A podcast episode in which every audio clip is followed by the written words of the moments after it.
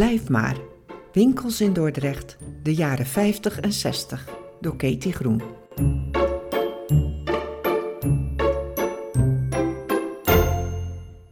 Wol van de welvaart.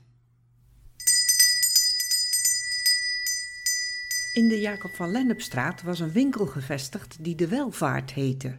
De naam van de zaak diende geen speciaal doel, maar was verzonnen door de moeder van Piet van Pelt, die graag een manufacturenwinkel wilde hebben.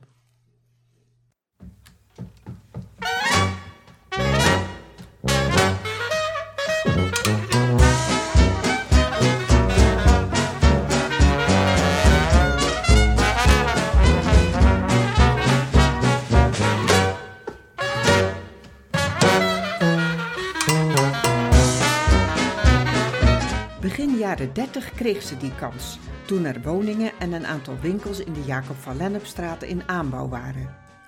Ik heb zelf niet in de winkel geholpen, maar mijn zus wel, zegt Piet van Pelt.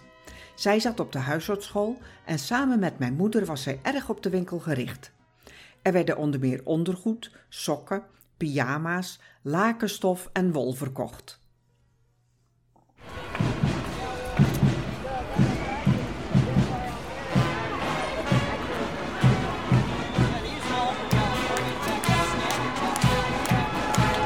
Ik kan me nog herinneren dat de Kerspijntunnel feestelijk werd geopend, met een stoet auto's die door de tunnel reed.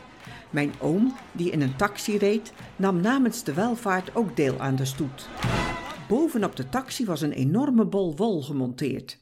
Achter de auto liep mijn zus, die een draad uit de bol wol vasthield met een breiwerk. Het was prachtig om te zien. Jammer dat we daar geen foto's van hebben.